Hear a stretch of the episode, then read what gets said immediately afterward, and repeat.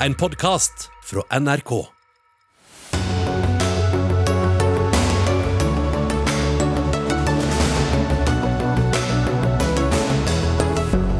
Regjeringen snur og åpner Vinmonopolet igjen i kommuner på Østlandet. Måten det skjedde på, hisser opp lederen for organisasjonen Barn av rusmisbrukere.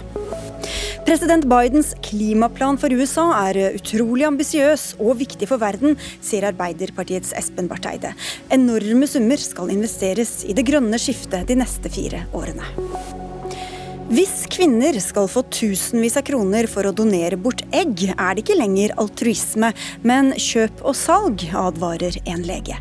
De må få en solid økonomisk kompensasjon, svarer en annen. Og noen norske lyrikere vil ha mer poesi inn i norsk politikk. Vi trenger språklig presisjon, ikke utslitte metaforer, mener en som lufter tanken om å ansette hoffpoeter på Stortinget. Og med det er uka i gang også her i Dagsnytt 18 på NRK P2 og NRK1. I studio denne mandagen, Sigrid Solund. Og vi begynner sendinga med siste nytt om koronaviruset. I Nordre Follo sørøst for Oslo er det oppdaget 40 nye tilfeller av det muterte viruset fra Storbritannia i dag. Før helgen ble de første norske tilfellene av viruset uten kjent smittekilde funnet der.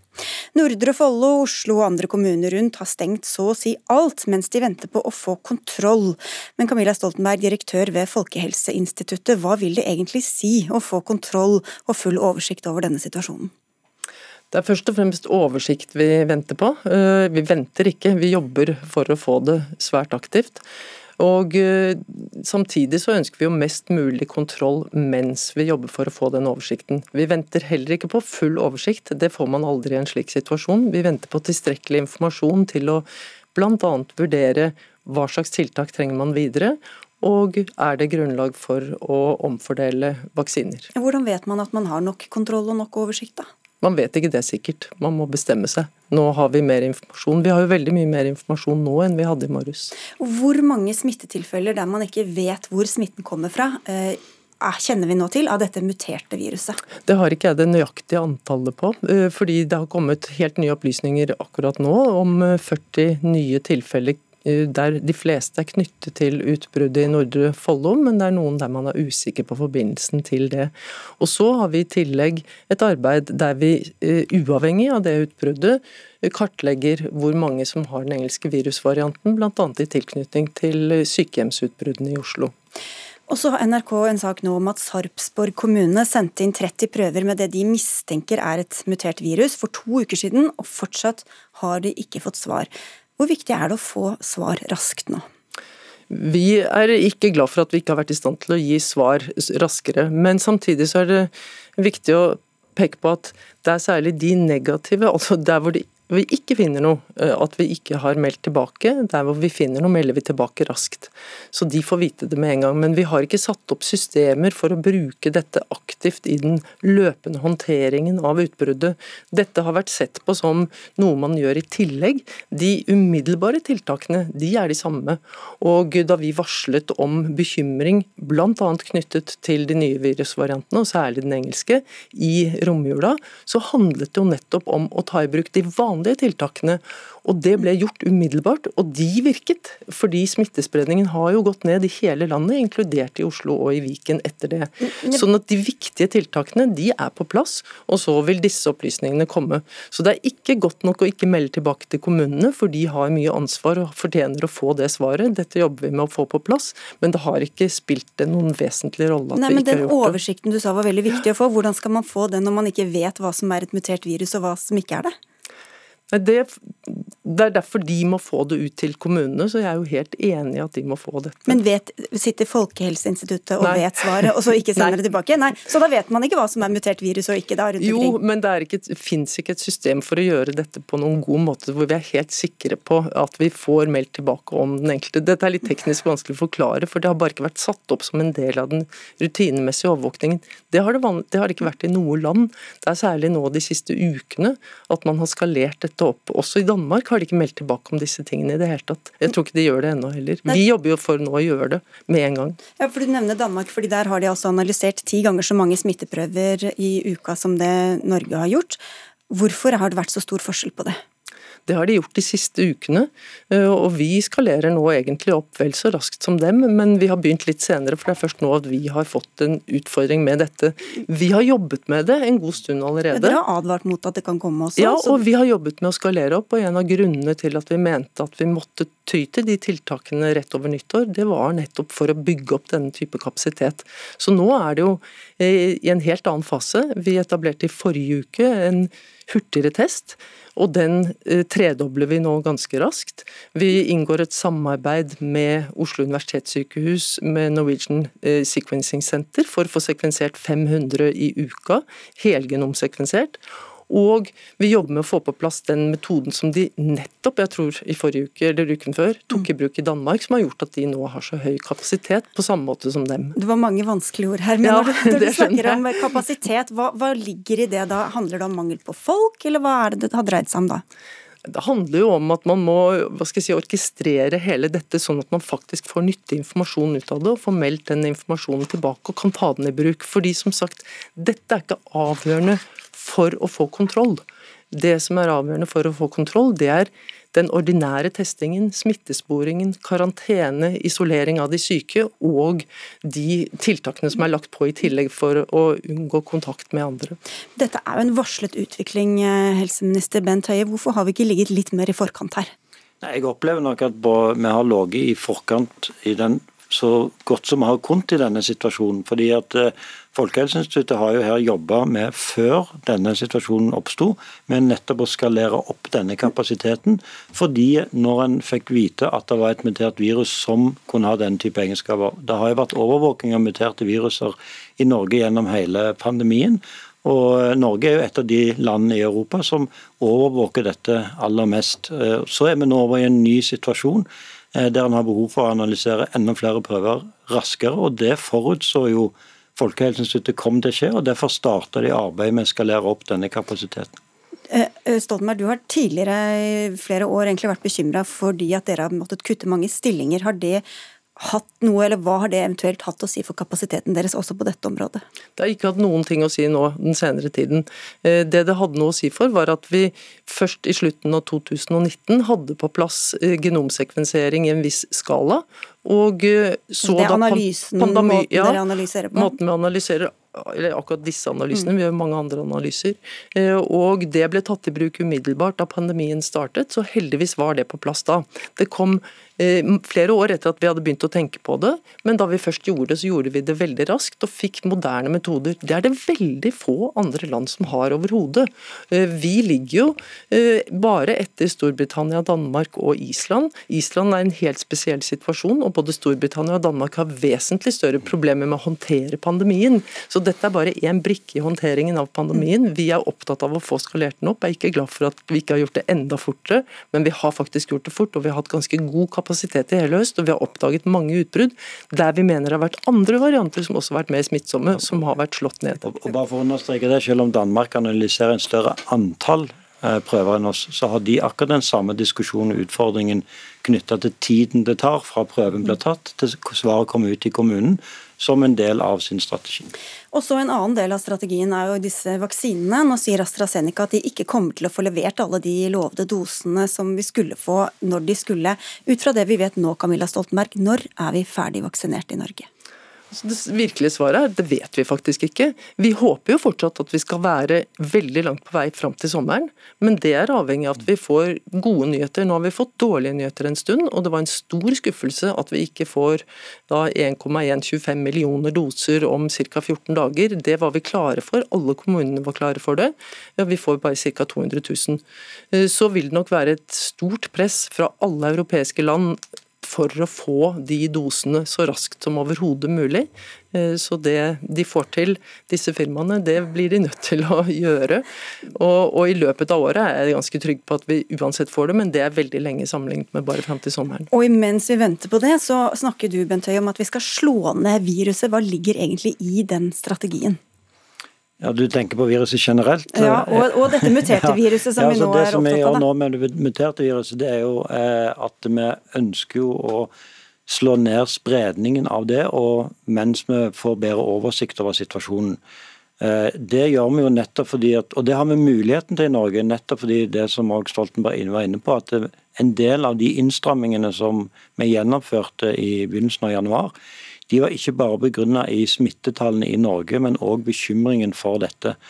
Og Det som da er vår mulighet, er jo enten eh, altså det Stort sett vil det handle mye om å klare å forsinke betydelig det er vel noe annet enn å slå ned, er det ikke jo, det? Jo, men det er det vi gjør. Vi slår det ned nå, nettopp for å forsinke betydelig muligheten for at dette viruset skal bli det dominerende viruset i Norge. Det er ikke sikkert at det er mulig, men sånn som det situasjonen er nå, så må vi derfor ha strenge tiltak i dette området for å få oversikt på om det er mulig. Eh, og hvis det ikke er mulig, så vil vi ha på mange måter samme situasjon som i Danmark. Nemlig at dette viruset på et tidspunkt eh, vil bli det dominerende viruset. og Det betyr at da må vi sannsynligvis ha et høyere tiltaksnivå enn det som vi kunne hatt hvis det ikke ble et dominerende virus. Er det mulig Stoltenberg, å slå ned, eliminere dette viruset? Eliminere tror vi ikke er mulig, men å slå ned sånn at vi kan lettere holde det nede, det tror vi er mulig. Vi skal få inn helsedirektør Bjørn Gullvåg også. Vi diskuterte jo strategi mye i fjor. Vi har ikke snakket så mye om det nå de siste månedene. Nå har vi altså et nytt utbrudd. Strategien er som vi hører fra studio her. Slå det ned, eller i hvert fall bremse det så mye vi kan med de enorme omkostningene det har. Finnes det noen skriftlige begrunnelser Gullvåg, hvor også befolkningen kan studere hvordan konsekvensene av smitteverntiltakene er veid opp mot effekten av selve tiltakene for helsen? Ja, det gjør det. Vi har naturligvis gjort eh, konsekvensvurderinger.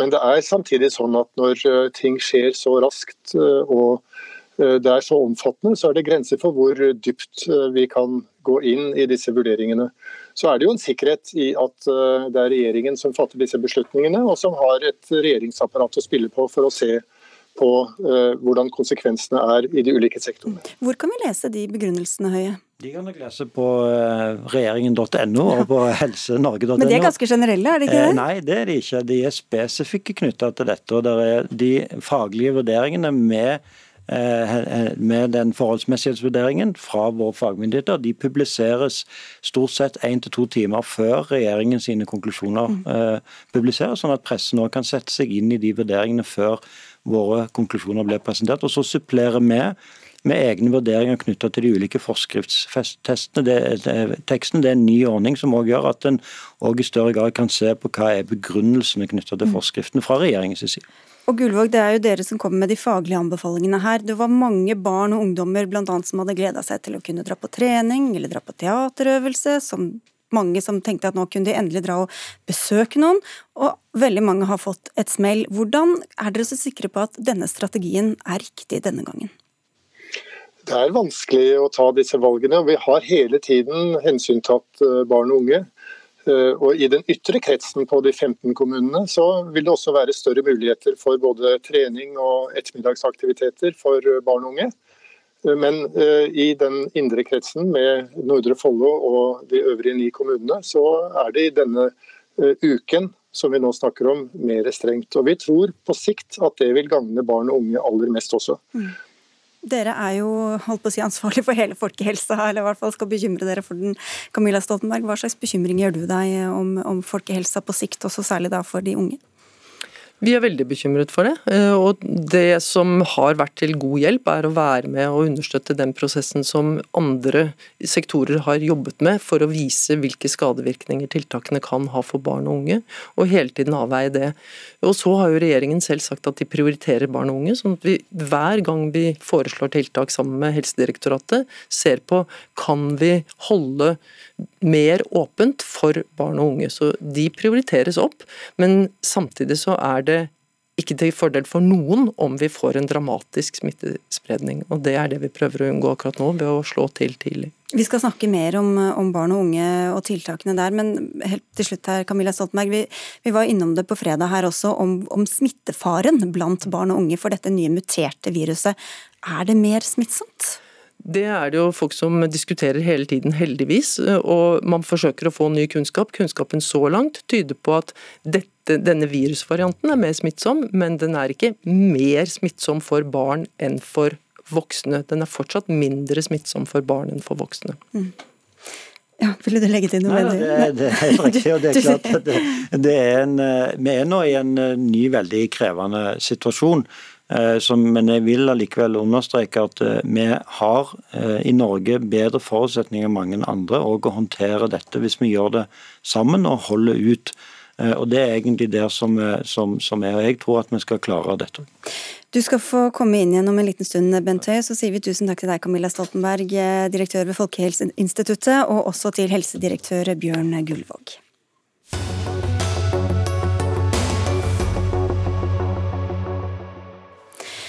Som mange nok har fått med seg, så har USA fått ny president, og det mener du er godt nytt for kloden vår. Espen Barth Eide, du er energi- og miljøpolitisk talsperson for Arbeiderpartiet og kjenner amerikanske forhold godt. Hvorfor er dette så gode nyheter? Dette er veldig gode nyheter, for det første for USA, fordi at dette er altså en 180 graders omdreining fra Trump, som nærmest var en klimafornekter, og som jo prøvde å undergrave mye av det miljøarbeidet som Obama hadde gjort. Nå så vi altså en president som virkelig vil bruke de mulighetene som ligger i det vi kaller det grønne skiftet, til å skape jobber til å utvikle Amerika på vei ut av koronatiden. Men det er også bra for verden. For når også EU gjør dette, og flere av de store økonomiene i Asia tenker i samme retning, så har vi altså nå plutselig eh, en situasjon hvor eh, flertallet av verdens store industriland ønsker å bevege seg mot en nullutslippsframtid, og, og det tror jeg kommer til å bety mye for at vi faktisk kan oppnå å både løse klimakrisen og oppfylle Parisavtalen. Jeg tenkte vi skulle ta litt sånn innenrikspolitisk amerikansk først. Hva er det viktigste Biden har signalisert at han vil gjøre i den klimaplanen som han har lagt fram? Altså, han har en meget omfattende klimaplan eh, som sier mye fornuftig, mye ganske ambisiøst, men det er også konkret politikk knyttet til det på mange felt. Og så har han uh, fylt opp uh, store deler av regjeringen sin med folk som både er kompetente på det, og som sitter på nøkkelstillinger. Altså Ikke bare John Kerry, som er en slags overordnet klimaansvarlig for det internasjonale arbeidet, Gina McCarthy, som skal gjøre det fra Det hvite hus hjemme, men også energiminister Granholm, f.eks., som skal sørge for at all amerikansk kraftproduksjon skal være fossilfri. altså ingen kull, ingen olje, ingen gass innen 2035, eh, altså strømproduksjonen.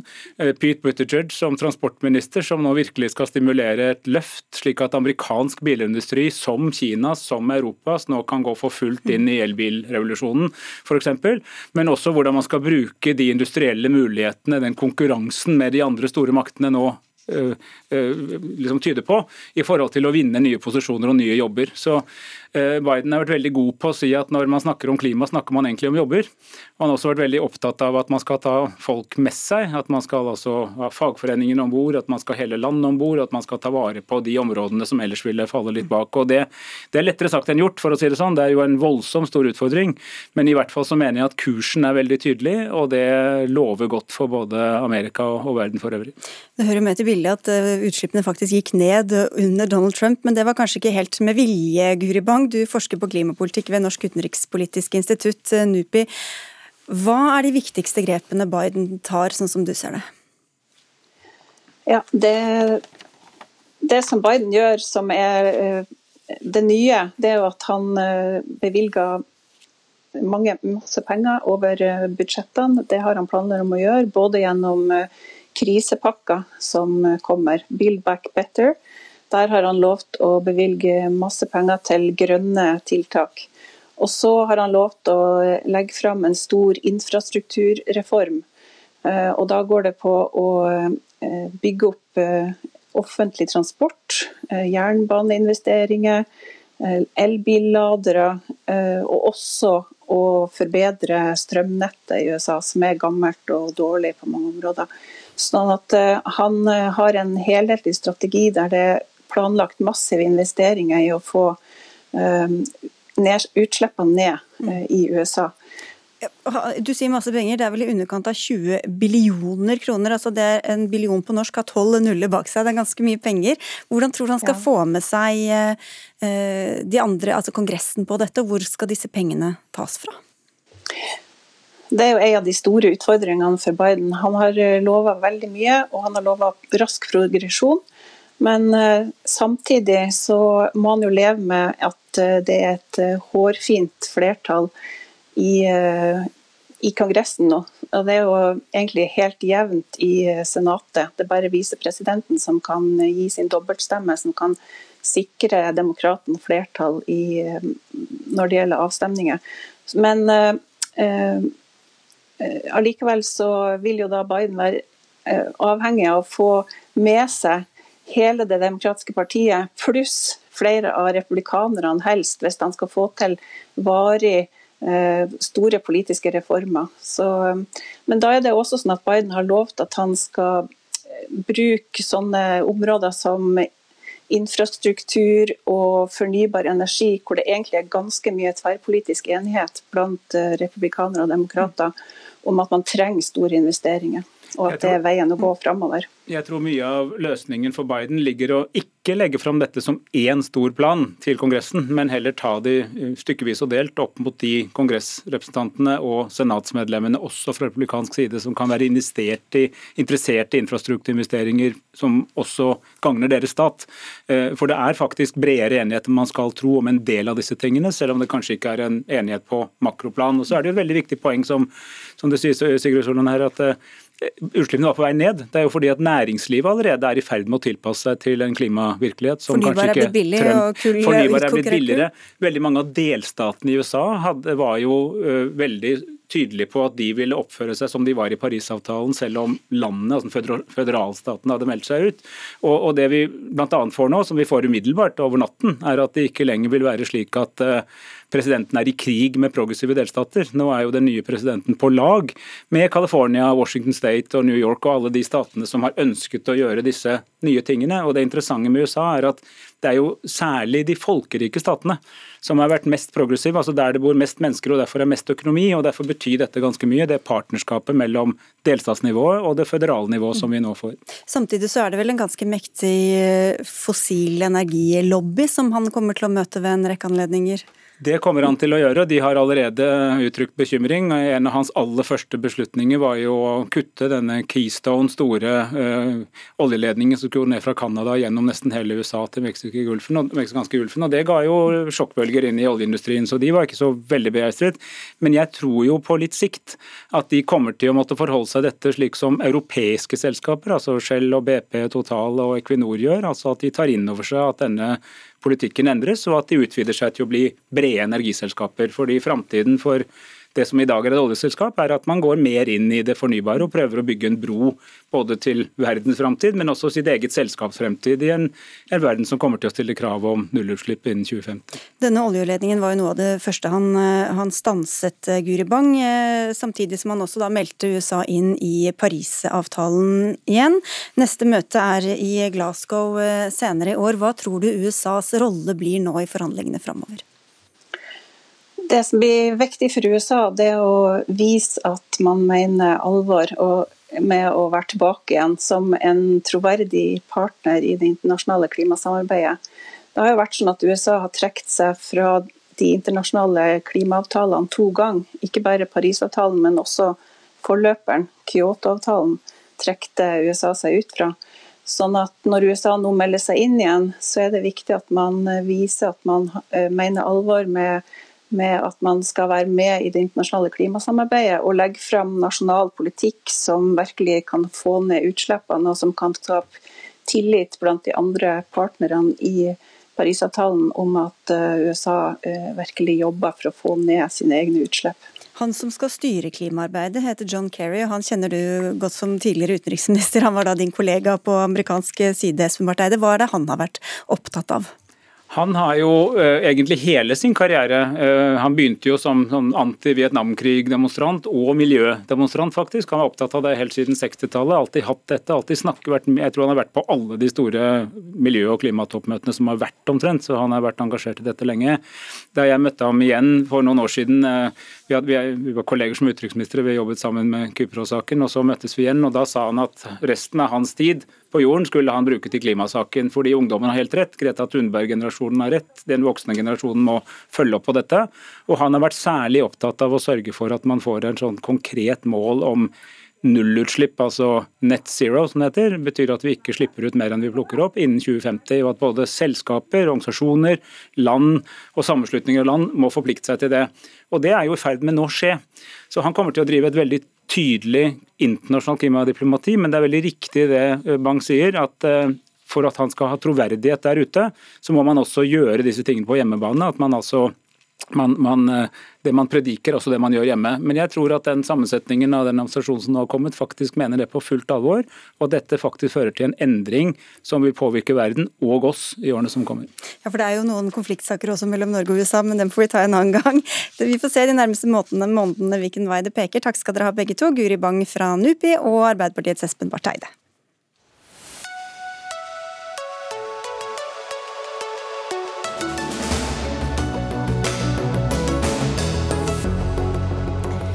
Litt senere i Dagsnytt 18 skal det handle om poesi og politikk, men før det skal vi nå tilbake til koronatiltakene. Først stengte Vinmonopolet i Oslo og flere kommuner rundt, men så åpnet de fleste filialene igjen i dag, etter at en del folk brukte lørdagen på å kjøre til andre kommuner for å stå i polkø der. Denne snuoperasjonen fra regjeringa har skapt reaksjoner i flere organisasjoner som jobber med barn av voksne med rusproblemer. Marius Sjømeling, du er generalsekretær i organisasjonen Barn av rusmisbrukere, og du sier til VG at du blir eh, ordentlig sint over måten regjeringa velger å gjøre dette på. Hvorfor det? Det er vel en kulminering av en uke som på sett og vis starta med at Stortinget går inn med et flertall og overprøver et eh, nasjonalt eh, skjenkereglement. Sett fokus på voksnes eh, rett til å ha tilgjengelig alkohol der det er lite smitte.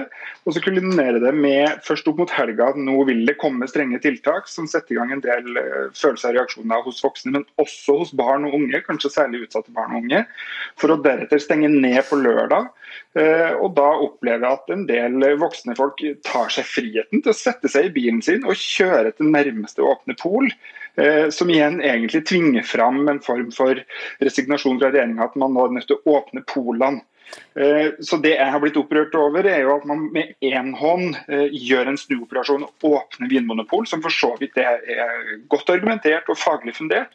Men med den andre hånda så stenger man altså alle fritidsaktiviteter. Man innfører rødt nivå på alle skoler i ti kommuner, gult nivå på skoler i 15 tilleggskommuner.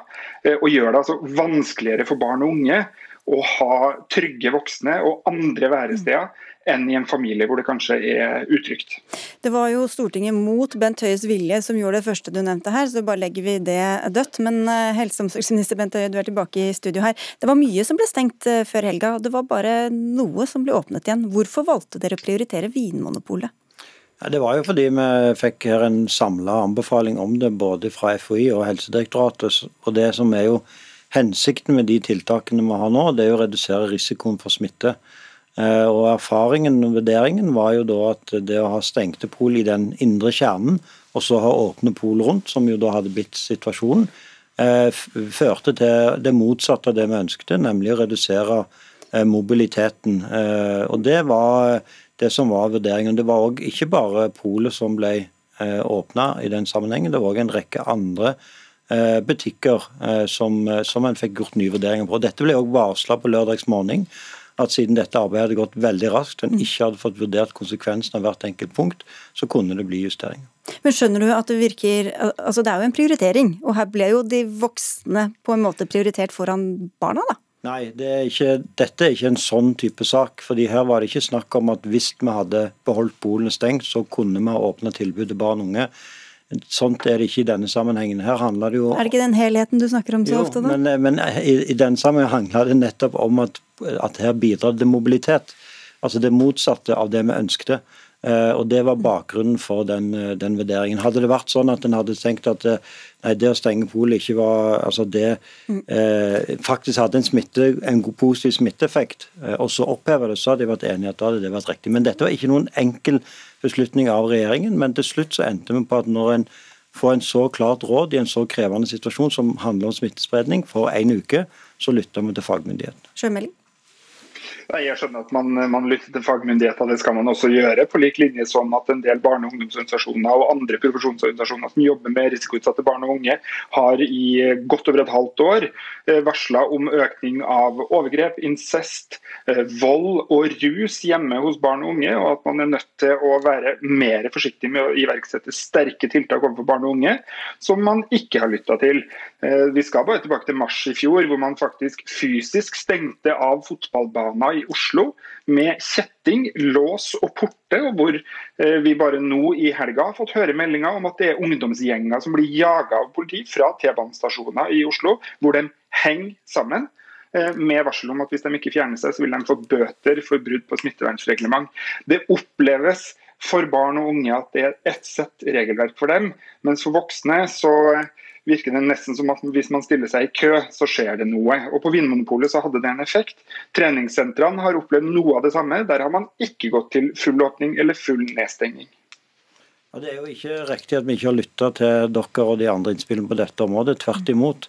Regjeringen bestemte veldig tidlig i mars at med ved all gjenåpning og stenging så skal vi prioritere aller øverst å beskytte barn og unge. Og Det er jo også årsaken til at eh, når regjeringen letta på de strenge nasjonale tiltakene som vi innførte 3.1, som er letta på 18.1, så var det nettopp tiltak retta mot barn og unge som ble prioritert først. Så det er helt avgjørende for oss å lytte til nettopp de bekymringene som dere og mange andre har tatt opp. og Derfor har regjeringen vært veldig tydelig på det, og det kan du finne som en klar blå tråd gjennom alle beslutninger regjeringen har tatt. Vi skal høre med deg også, Inga Beiring. Du er barneombud. Opplever du at eh, det er barn og unge som er blitt satt i forsetet hele veien her?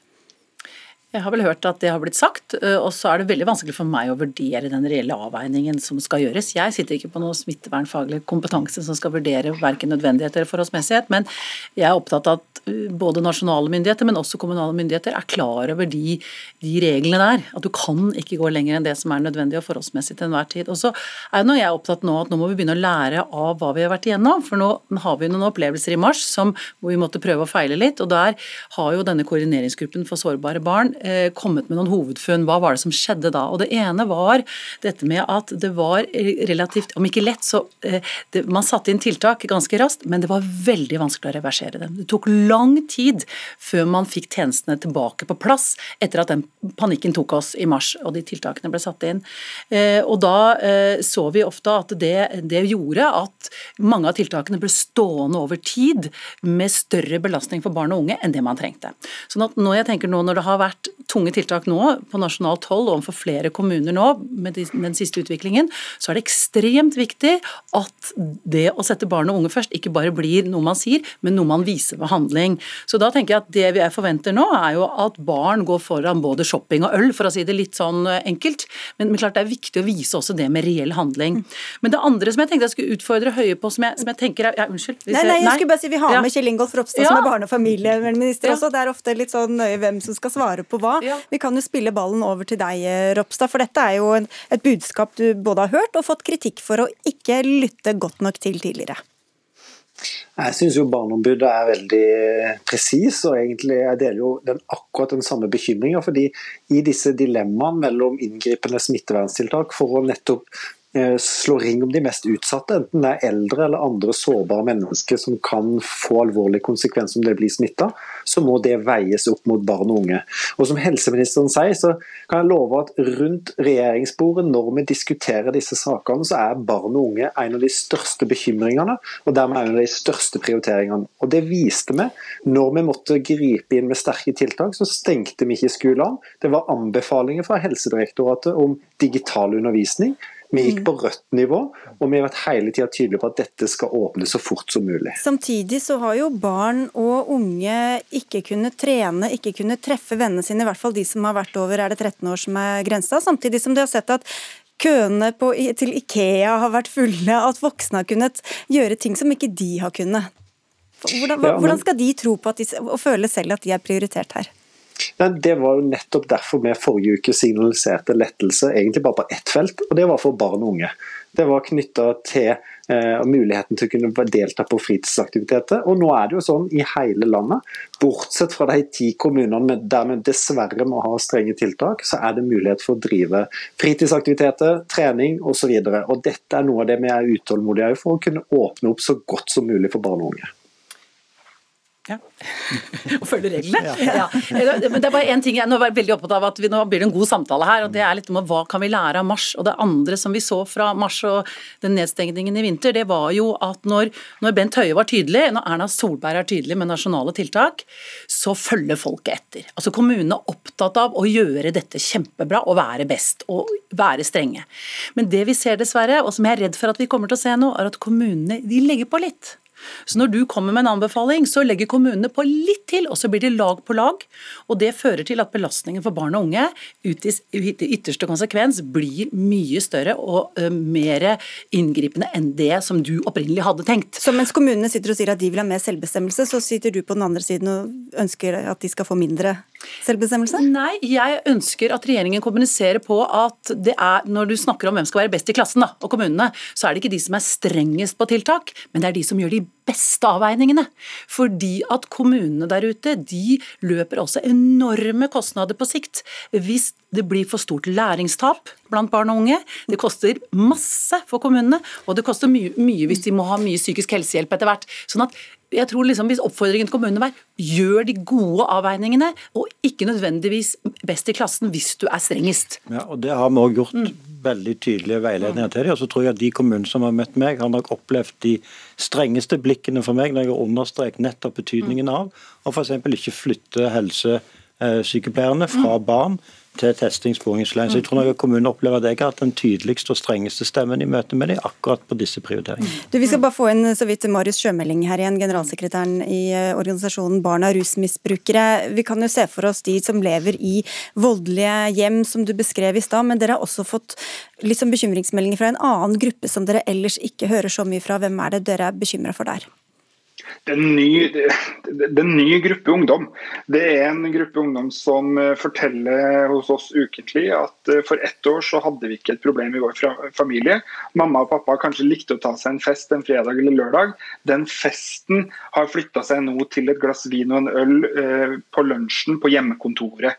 Altså at disse Rammene rundt jobb, det å dra på jobb, det å ha en struktur i familien, blir viska ut. og Det betyr at en del som kanskje var i den gruppa som eh, drakk mer enn det FHI eh, gjennomsnittlig vil at man skal gjøre i løpet av en uke, den eh, strever enda mer nå fordi at man mister de sosiale rammene. Og Dette er jo barn og unge som da blir værende hjemme i dette, både for å passe på, men også for å være flinkest i klassen, for å følge smittevernreglene, sånn at man i hvert fall ikke skal verken utsette seg sjøl eller andre for smitte. Og Hva gjør dere for denne gruppa Kjell Ingolf Ropstad for å fange dem opp, og eventuelt gi dem et tilbud hvis de trenger det? At dette er en av de store bekymringene vi har. og Jeg vil legge til òg de ungene som vi vet er i risikosonen for å bli utsatt for vold og overgrep. Og Derfor har vi vært så tydelige på at uh, vi har tredobla uh, midlene til f.eks. alarmtelefoner og ulike telefoner og chattetjenester som er mulig, men ikke minst at barnevernet kan være på jobb. At de er definert som samfunnskritiske funksjoner, og at de ikke er på hjemmekontor, men er rundt om for å kunne avdekke. Men til syvende og sist er det jo klart at her er vi avhengig avhengig av å få innspillene. Og så skal vi som det offentlige stille opp og hjelpe disse ungene. Ja, men jeg, den, Vi er jo stadig tilbake til å diskutere sårbare grupper og sårbare barn. og Det høres ut som det er, det er ikke alle sårbare? Eh, ja, og det, jeg skulle tilbake til, det er en ganske udefinerbar gruppe. Altså. Det er noen vi visste om før koronaen, eh, som vi kunne raskt identifisere. Men så er denne gruppen utvidet seg. De som hadde det vanskelig før koronaen, har fått det verre. Men så har vi fått tilfang av nye, eh, nye barn. Det er helt åpenbart, sånn som vi hørte eksempel på her. Det er barn nå eh, i ungdomsskolealder som har siden, i hvert fall her i Oslo, hatt et redusert skoletilbud siden midten av november. De har ikke noen fritidsaktiviteter de kan gå til, og eh, de er i en fase av livet hvor de trenger sosial omgang med andre for å finne sin identitet. Det er en del av eh, på en måte den alderen de er i, og dette blir mer og mer krevende med læringstap og med, med tiltagende psykiske problemer. Dette kan være ungdom som er egentlig relativt godt fungerende på forhånd, men som nå har falt. De er det vanskelig å fange opp. Og da er vi tilbake Bent Høie, til det, om vi egentlig velger riktig strategi, sånn som vi gjør det nå. Ja, og det er jo nettopp det som er det overordna. fordi Poenget er at jeg er fullstendig klar over at en del av de tiltakene har rammet barn og unge. Men det er jo også sånn at det å ha kontroll på smitten er det som også beskytter barn og unge mest. Og Vi ser jo til de landene som ikke har klart det vi har klart i Norge, nemlig til enhver tid å faktisk ha kontroll, har hatt mye mer inngripende tiltak. Og mange av de barna har jo ikke vært på skolen i det hele tatt gjennom pandemien. Så Jeg forstår at tiltakene rammer barn og unge, men det at vi klarer gjennom tiltakene å ha kontroll på smitten, er nettopp det viktigste vi gjør for å beskytte barn og unge og opprettholde mest mulig av tilbudene til dem. Da sier vi tusen takk for at dere kom, Kjell Ingolf Ropstad, Inga Beireng, Marius Sjømeling og Bent Høie, som sikkert gjerne skulle vært her og diskutert neste tema også, men det får du høre på fra utsiden.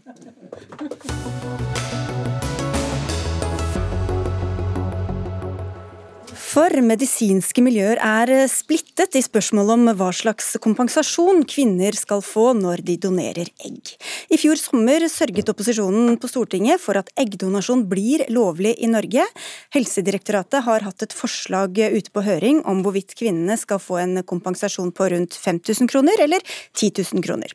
Nå er høringsfristen over, og det er kommet inn eh, innspill. Blant dem som går imot at kvinner skal få betalt, finner vi Rådet for legeetikk i Legeforeningen, hvor du er med medlem, Morten Morten Horn. Du er eh, lege og underviser i organdonasjonsetikk for medisinerstudenter i Oslo. Dere sier at eggdonorer kun bør få dekket faktiske utgifter. Hva er det som er så galt med å gi kvinnene f.eks. 10 000 kroner? Nei, Det er sikkert gode argumenter for å gi dem den kompensasjonen, men i Norge har vi en sånn tradisjon, og ikke bare en policy for, at det å donere organer, vev og celler, det skal være noe altruistisk. Det skal være noe man gjør fordi man ønsker å glede og hjelpe andre mennesker. Hvis du begynner å gi en økonomisk kompensasjon da, som på en måte blir noe mer enn bare det man har hatt før, nemlig reiseutgifter og sånne ting som du forstår at man kan kompensere, så kan den økonomiske biten av det på en måte bli en, en, en faktor som også bidrar til å motivere til donasjon. Og den, den, faktoren den vil jo være ekstra sterk jo mindre du tjener fra før av. Og Det er noe av problemet med dette med all, all, all som handler om å, å stimulere donasjon, enten det er av nyrer, eller det er blod eller det er eggceller, med penger, er at da den, den, det stimulus vil gjelde aller mest for de, for de som har dårligst råd fra før av. Og Da får man en sånn skjevhet som eh, jeg tror egentlig ikke vi ønsker, i hvert fall ikke i vårt samfunn, som er et veldig sånn likestilt eh, samfunn. og Spesielt ikke de som ønsket å få, få gjennom donasjon i eggdonasjon Norge. Jeg tror ikke de ønsket et sånt system hvor det skulle bli de, de fattigste kvinnene som var mest motivert for å donere egg. Sigrun Kjøtrød, du er overlege ved fertilitetsseksjonen til St. Olavs hospital i Trondheim, og du satt også i eh, den nylige arbeidsgruppa som skulle se på alle aspektene ved eggdonasjon. I deres høringssvar fra sykehuset så støtter dere den høyeste summen på 10 000.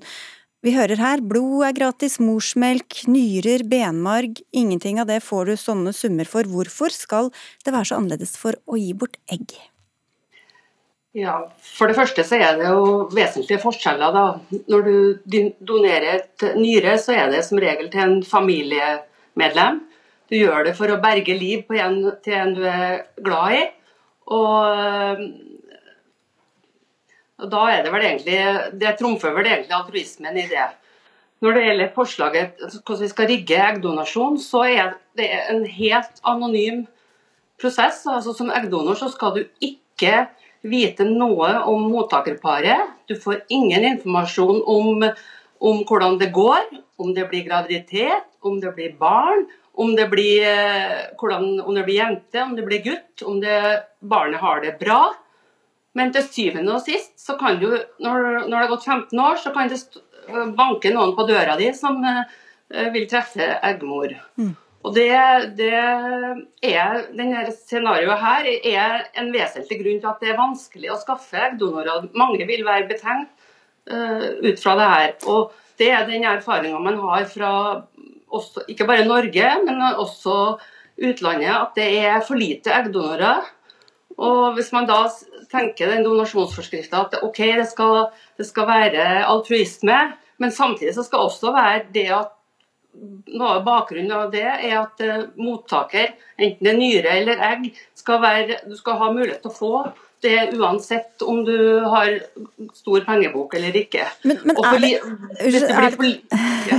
er, det, da fortsatt altruistisk? Som jo var eh, Stortingets vilje? Absolutt altruistisk likevel. For det er så mye med en eggdonasjon og den, Det beløpet som vi har foreslått, det er en kompensasjon for den tidsbruk og den belastning som det er å være eggdonor.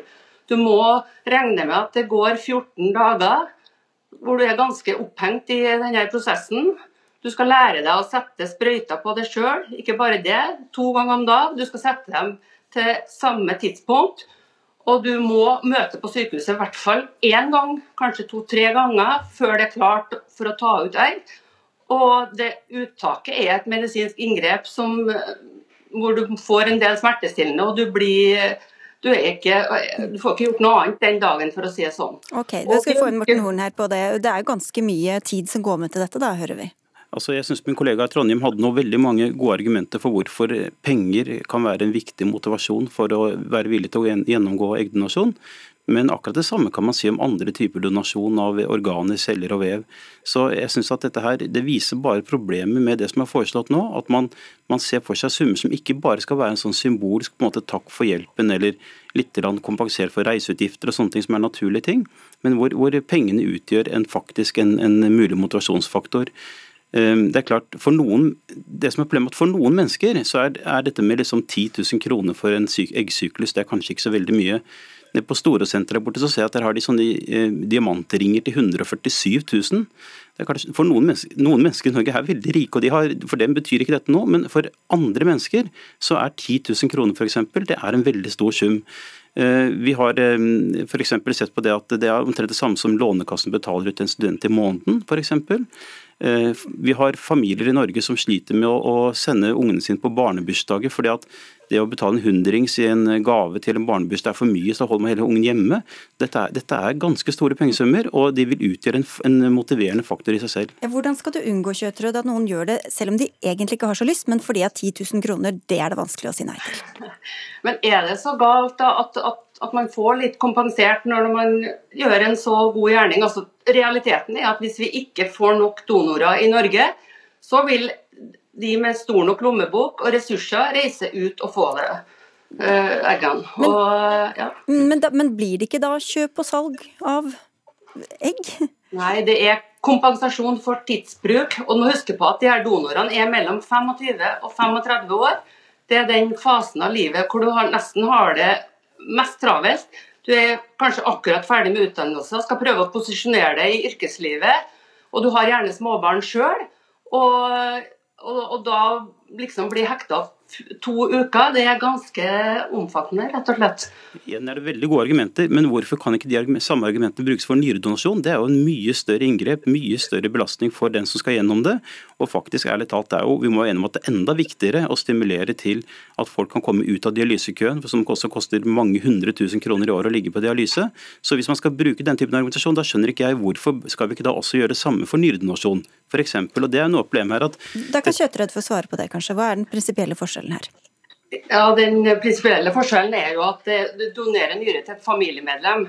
Men samtidig så er jeg ikke fremmed for at du kan få godt altså man legger det til godt til rette for donor, nyredonor òg. Jeg tror at, at altså, målet med en donasjon helliggjør den hensikten med altruismen. At du må på en måte, for å få nok donorer, enten det ene eller andre, så må du legge det godt til rette.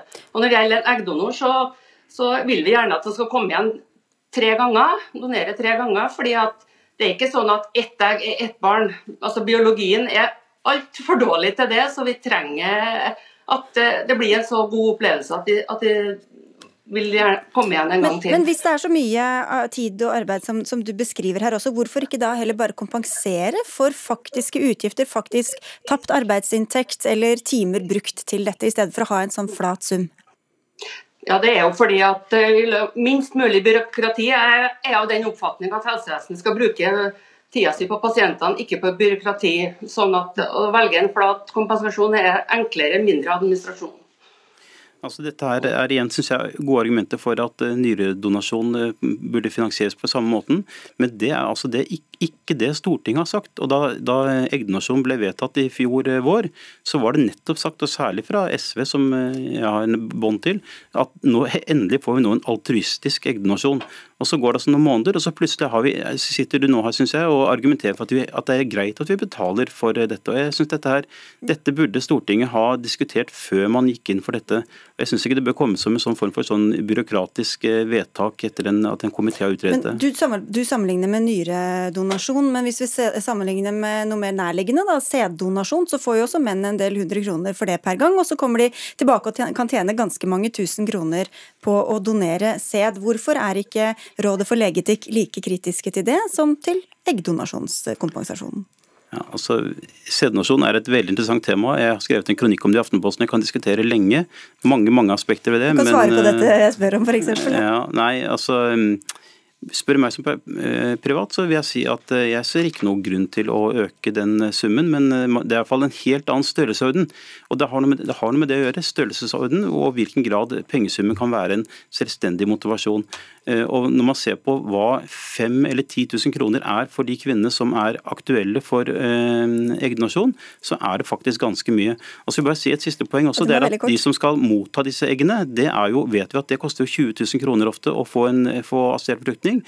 Så da risikerer du at du får at fattige kvinner donerer egg til rike, og det kan jeg ikke skjønne at vi i Norge ønsker. Nå skal vi ta dette videre etter hvert til departementet, som vel skal komme med en konklusjon, som så kanskje skal tilbake til Stortinget, så det blir rikelig med anledning til å diskutere dette videre. Takk skal dere ha begge to. Lege Morten eh, Horn, medlem av eh, Rådet for eh, legeetikk i Legeforeningen, og til deg Sigrun Kjøtrød, som er seksjonsoverlege ved fertilitetsseksjonen ved St. Olavs hospital.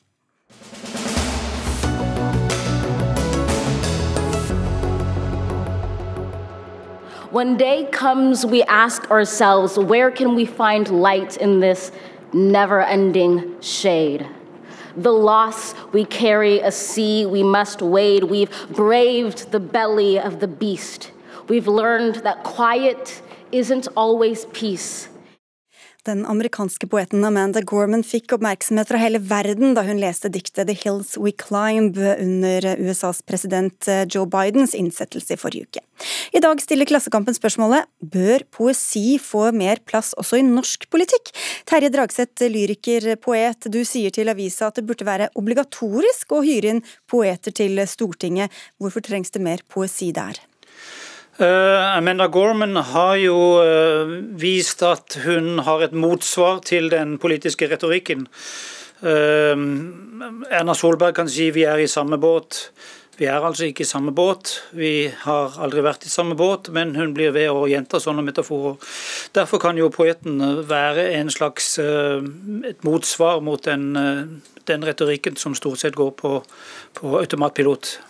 Men hva slags løsninger, altså det kan de jo gjøre på fritida, holdt jeg på å si, eller altså utenfor politikken. Hva, hva, hva, slags løsninger ser du for deg innenfor det politiske systemet? Ja, retorikk er jo politikk, og alt er retorikk. Eh, derfor må jo politikerne ha en eh, kunnskap om nettopp det de driver med, altså talekunst. Og, ehm, og, Da tror jeg at en poet for eksempel, som rådgiver på, på Stortinget godt kan eh, være en, en, ehm, som kan skjerpe det politiske språket og gjøre det tydeligere og klarere. Frode Helmik Pedersen, førsteamanuensis i litteratur ved Universitetet i Bergen. Du er mer skeptisk til å ansette slike skal vi kalle det, hoffpoeter ved Stortinget. Er det poesien eller politikken som taper mest på et sånt samarbeid, tror du? Ja, altså jeg vil jo si at Det er forskjell på at poesien er politisk Eh, og at eh, eh, poesien løper politikkens ærend. Sånn at Det er jo ikke tvil om at det kan være veldig bra for politikerne å ha dyktige poeter i staben. Spørsmålet jeg stiller er vel om det er bra for poetene og for poesien. For Faren vil jo være at de mister sin uavhengighet og kritiske distanse til det som foregår i politikk. Dragseth. Altså jeg tror jeg har jo såpass stor tro på på poetens uh, faglige integritet, om du kan si det sånn, og evnen til å bevare en objektivitet. Men selvfølgelig, som Frode er inne på, den poeten som lar seg farge for mye av omgivelsene, går som bekjent i ett med omgivelsene. Men, men er overbevist om at uh, en klartenkende poet ikke vil gå definitive politiske ærender. For du ser for deg en slags tverrpolitisk poet, og ikke en poet per parti? ja, gjerne en tverrpolitisk poet. Um, en anarkistisk poet, om du vil. Det er ikke nødvendig med, med, med en politisk tilhørighet for å være, være altså Stortinget er jo proppet av, av, politiske rådgivere fra alle ulike politiske retninger fra før av. Og Vi ser jo poesiens kraft her, Pedersen. Kanskje appellerer til litt andre deler av oss enn den tradisjonelle valgkampretorikken vi hører mye av? Ja, men altså, jeg mener det er grunnleggende og feil å tro at uh, poesien i kraft av poesi har uh, nødvendigvis en positiv og frigjørende virkning. Uh, altså, Poesien kan jo også være korrumperende, f.eks.